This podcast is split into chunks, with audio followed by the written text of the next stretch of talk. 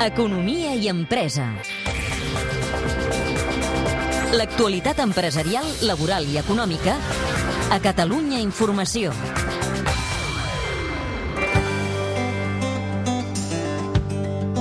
L'escriptor Gustave Flaubert ja ho deia. La feina més productiva és la que surt de les mans d'un home content.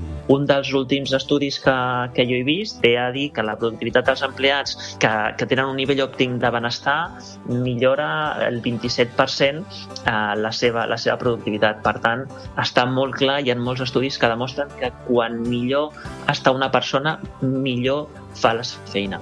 El Xavi Escales fa 20 anys que lidera equips i companyies. Sota la seva batuta, la multinacional japonesa ASICS va passar d'estar a la cua a entrar al podi de les empreses esportives d'Espanya. Ho va fer invertint en fer feliç el personal. Teníem uh, fisioterapeutes, teníem classes de ioga, els facilitàvem perquè pogués, la gent pogués fer esport, però jo no era capaç de poder mesurar com això afectava especialment a nivell individual a cada persona i vaig buscar, eh, especialment als Estats Units, que van bastant més avançats que nosaltres en aquests temes, però no vaig trobar cap empresa que tingués aquesta tecnologia. I la va crear ell mateix, amb l'ajuda d'Eurecat i l'assessorament de metges del grup Quiron. El dispositiu en qüestió és un braçalet que es posa a l'avantbraç i mesura la variabilitat del ritme cardíac. Amb això s'obtenen dades sobre l'estat emocional de qui el porta, però per fer-lo funcionar, primer... Li demanem a la persona que durant eh, un mes i mig aproximadament es monitoritzi per eh, poder ensenyar-li a l'algoritme, perquè nosaltres apliquem eh, tècniques d'intel·ligència artificial i necessitem anar-li preguntant a la persona si allò que nosaltres estem detectant és degut a algun estímul especialment positiu, com com pot ser que hagin fet esport o que hagin rigut eh, d'una manera molt intensa o mm, no és cap d'aquests estímuls positius. I aleshores nosaltres el que fem és ensenyem a l'algoritme a, a, a, diferenciar aquests events positius o negatius. I a partir de que l'algoritme ja té suficient, suficient informació, ja no necessitem de, demanar-li ni preguntar-li res més a la persona i ja és la pròpia tecnologia la que et dona la informació de com tu estàs a nivell de benestar d'una manera objectiva.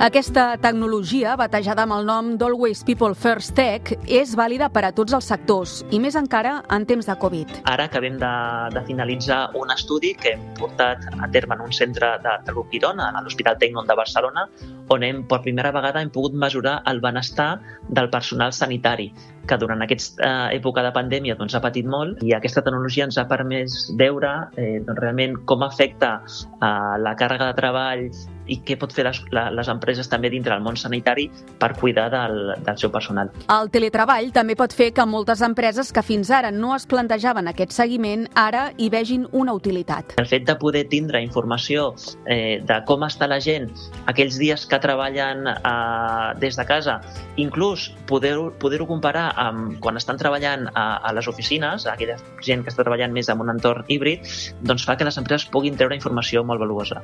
Per part del treballador, l'ús del braçalet, òbviament, és voluntari. Per part de l'empresa, els costos no són elevats, segons el Xavi Escales. Està a l'abast de qualsevol companyia. L'objectiu amb el que nosaltres vam desenvolupar la tecnologia és que no fos una tecnologia només per a empreses grans o empreses que puguin destinar grans recursos. El que nosaltres volem és ajudar les, a les companyies a que puguin cuidar dels seus empleats perquè les, seus, uh, les seves empreses vagin millor.